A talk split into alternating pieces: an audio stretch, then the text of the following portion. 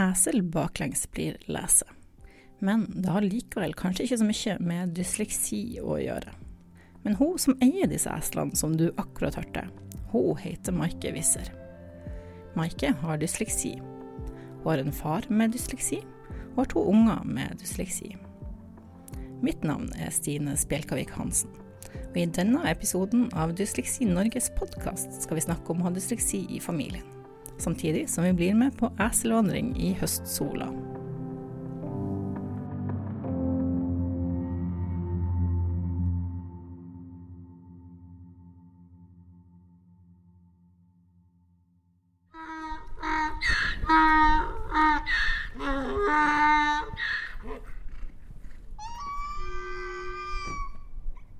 Og det har vært verre. Eh, da vi fikk de to, så var de begge to hingster. Og da var det mye krangling og masse bråk. Da vi fikk den den første kvelden, så eh, eh, ringte naboen dagen etterpå og litt sånn Hva skjer her? Er det ulv eller noen sånn? Så da måtte vi på en måte finne på noen at de ikke skulle bråke så mye. For syv år siden så kjøpte Maike og ektemannen en campingplass på fjellet. For å ha det lille ekstra på campingen, så snakka de om å skaffe dyr. Maike, som tidligere hadde drevet med hest, foreslo esel. Nå har de syv. Og det er eiselvandring. ja, ja. En liten eisel som går ved siden av deg. Og synes det er koselig at du blir med. Og nå er vi to. Bobby og Bobby og Molly. Molly er den hvite, og Bobby er den brune, den grå. Uh, Molly er Hvor gammel var Maike har alvorlig dysleksi, men vanskene hennes ble oppdaga ganske tidlig. Det hun lærte som unge, har også hjulpet henne senere. Eh, Jeg har en far som har dysleksi. Eh, og jeg har en mor som hadde, hadde studert psykologi, og som visste mye om det. Så hun visste egentlig allerede da jeg begynte på barneskole. Eh, så jeg fikk I tredje klasse fikk jeg litt ekstra hjelp. Eh, bli forklart hvordan det var med de bokstavene og de lydene. Eh, og da begynte jeg å lese. Det er ikke sånn at jeg liker å lese, men jeg klarer meg det. Jeg liker å lese en bok. Og jeg har studert og lært meg ganske, ganske bra. Ja. Flyttet til Norge til og med og lærte meg nytt språk. Da hadde jeg veldig utbytte av det jeg lærte i tredje klasse. Å tenke bokstaver og lyder. Og sette ord sammen, eller lydene sammen til ord på samme måte som jeg lærte da i tredje klasse. Um, og da kunne jeg på en måte med, gjennom lesing lære meg flere ord. Og så er norsk og nederlandsk heldigvis ikke uh, Eller det er i slekt. Det er en del like ord. Ja, og grammatikken på norsk er enkel. Uansett om nordmann ikke vil høre det. Men det er egentlig et veldig greit språk. Ganske lydrett og enkel. Mange vil påstå at det ikke er sånn, men det er sånn. Hvis du forstår lydene og bokstavene, så kan du nesten le lese alt. Uh, på Nederland har du faktisk en del fremmedord, låneord, som, eller fremmedord som fortsatt er fremmedord, mens i, på norsk lager de låneord. Så de låner et ord fra et annet språk, men så lager de et norsk ord av det. Eh, mens på nederlandsk så bruker du Da er det fortsatt det engelske ordet som, som man har. En veldig stor forskjell er at i Nederland har du spesialskoler. Så jeg tror at Bjarne hadde gått på en spesialskole hvis, hadde, hvis vi hadde bodd i Nederland. Og det er litt på godt og vondt. Eh, jo, de får kanskje et stempel. Men hvis du har et godt selvbilde, og du vet at du lærer bedre når du går på en spesialskole, så tenker jeg det er helt greit. Bjarne er Maikes sønn. I dag er han voksen og jobber som sykepleier, men som unge så slet han med språkvansker og dysleksi. Bjarne syns at det er greit at mora snakker om hans historie.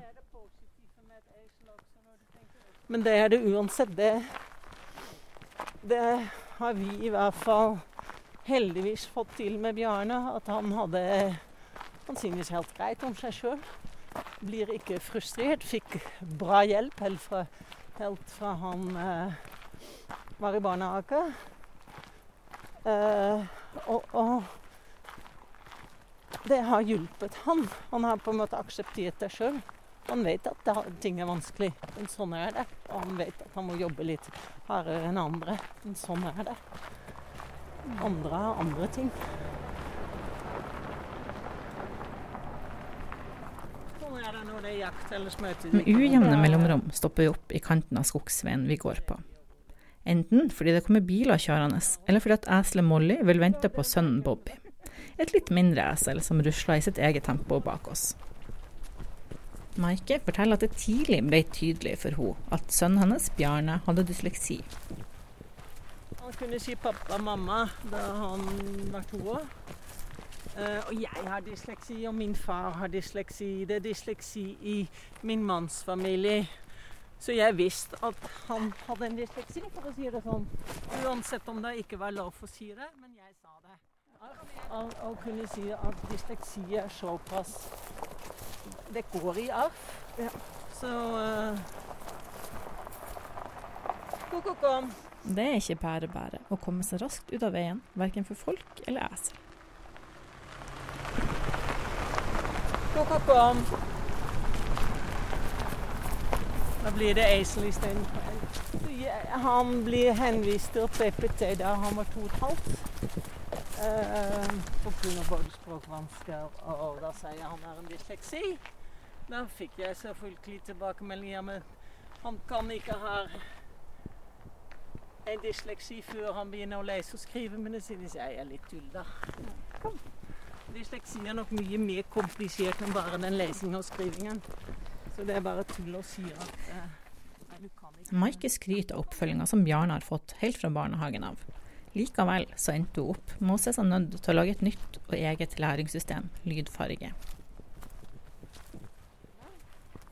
Han, eh, han lærte ikke å lese og skrive, ikke sant? uansett om vi hadde kjempebra eh, veiledning og Logoped startet med han da han var tre-fire år. Og oppfølging var helt fantastisk. Uh, og likevel så stoppet det helt opp når de skulle lese og skrive. Og da tenkte jeg nå har vi prøvd mye ting i skolen. Og nå må vi tenke annerledes. Vi må på en måte få det inn på en annen måte. Og da snakker jeg med logopeden og spurte er det ikke noen helt, helt annen måte å, å lære å tenke på. Det var ingen metoder som funka, til tross for god oppfølging. Så Maike tok saken i egne hender. Hun oppdaga en nederlandsk metode som minna hun om måten som hun sjøl hadde lært norsk på. Og lesesenter og alt, og hun skjønte veldig godt hva jeg var ute etter. Men eh, nei, det fantes ikke. Så kom jeg da tilfeldigvis, var tilfeldig, eh, bort til en metode fra Nederland hvor de bruker farger og klosser. Uh, og fordi jeg lærte norsk i en voksalder, hvor jeg brukte de bokstavene og lydene, så skjønte jeg egentlig direkte hvor dette gikk på. Og var det for meg egentlig veldig lett å forstå at her kan jeg hjelpe Bjarne. Kom, kom. Uh, og da jobber jeg med Bjarne ett år hver dag. Også i ferie, også i helgene. Og spurte først han ville du lære å lese med, med farger og klosser. Ja, det ville han. Og så gikk det 14 dager hvor jeg måtte på en måte bearbeide også ideen over hvordan gjør jeg det. Og tre barn og uh, Jeg var vel ledende helsesykepleier. Og, og hvordan gjør jeg dette her? Og så var det en dag sette han seg ved kjøkkenbordet, armer i, i kors, og sa Når skal vi starte? og da var vi i gang. Eh, ja. Så det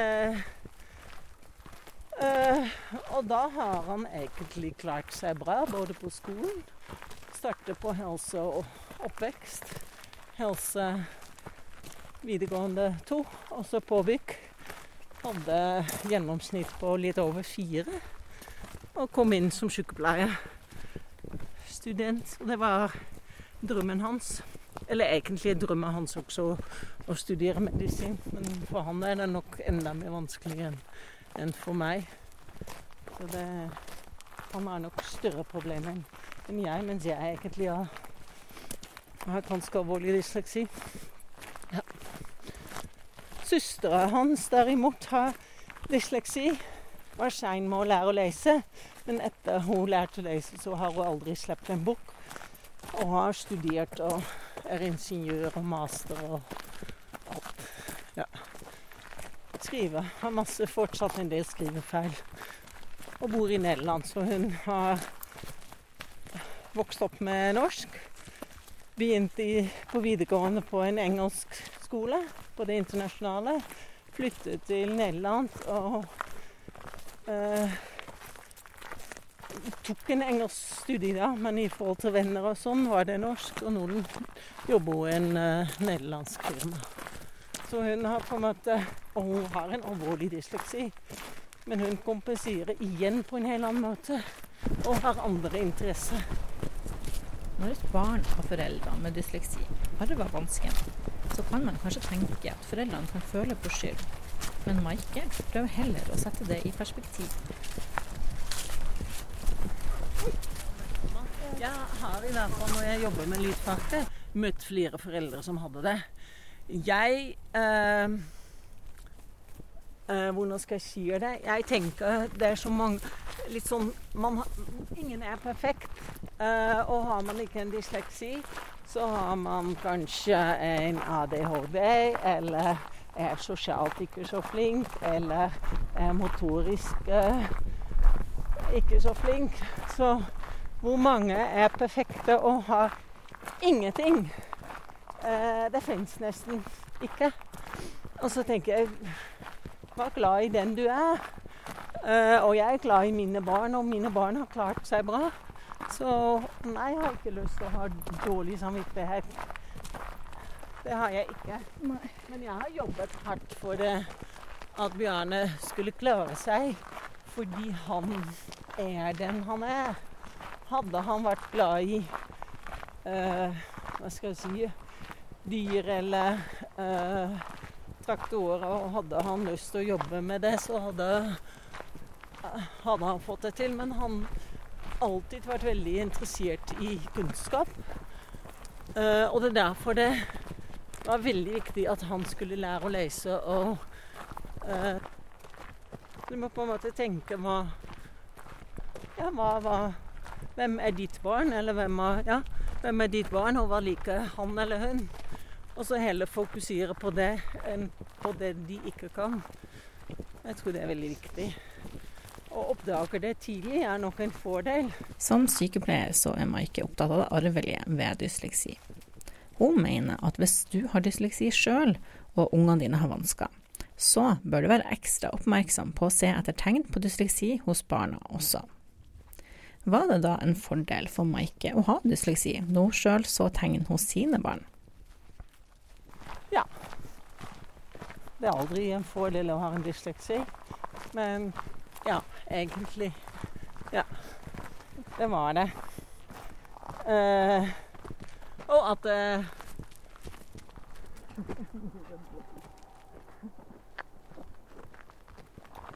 At uh, Ikke sant, det er i min manns familie Nå må hun litt på og i, i, min familie, og sikkert når mødre har det, så er det større sjanse at guttene får det. Ja. Og det synes jeg egentlig at noen ganger blir det litt for lite tenkt sånn. Men hvis du har lært om hvordan det funker med arv, så vet du egentlig at det er sånn. Har du en mor som har en dysleksi, så det er veldig, veldig stor sjanse at uh, sønnene har det. Men min datter har det også. Har tre barn, og to har dysleksi. Ja. Min mann har det ikke, men det er i slekta. Ja, flere som har det der. For meg har det hatt en stor betydning. Jeg hadde gjerne studert eh, medisin eller eh, veterinær. Og det har jeg. I Nederland er det skolesystemet annerledes. Så det må du ta en skole med på et høyere nivå for å kunne studere, og det har jeg ikke taklet i ungdomstiden. Så blir jeg bare sykepleier. Ja, men det har jeg kjent litt sånn. Ja. Og sikkert når du kommer fra en familie hvor alle har eh, flere har studert medisin og psykologi og jeg vet ikke hva, så har, du, har jeg nok kjent det. At jeg er bare sykepleier. Ja. Så det Det har preget meg. Jo, det har det. Men jeg er ikke ulykkelig. Kom hjem. Nå kommer jeg på det samme igjen. Selvfølgelig er det at jeg kanskje kunne ha tenkt meg å ha studert og ha, ha uh, men, men, så tror jeg ikke jeg hadde blitt lykkelig. Jeg tror barna mine har kommet der hvor de skal være, og de er lykkelige. Så Og uansett møter du ting.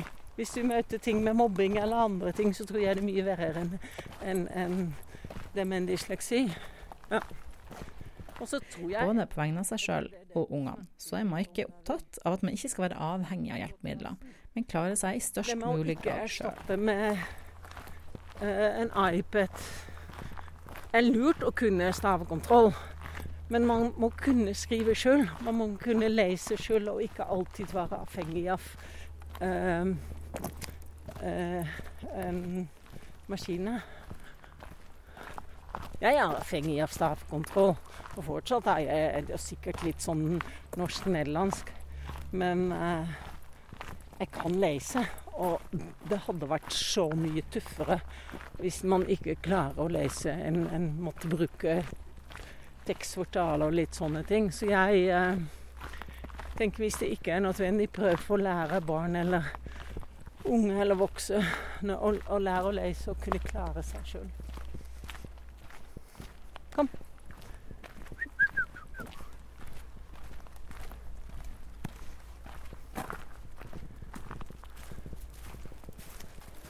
Skal vi vente på Bobby, eller? Denne episoden av Dysleksi Norges podkast ble laga av meg, Stine Spjelkavik Hansen. Takk for at du hørte på, og hør også gjerne på tidligere episoder.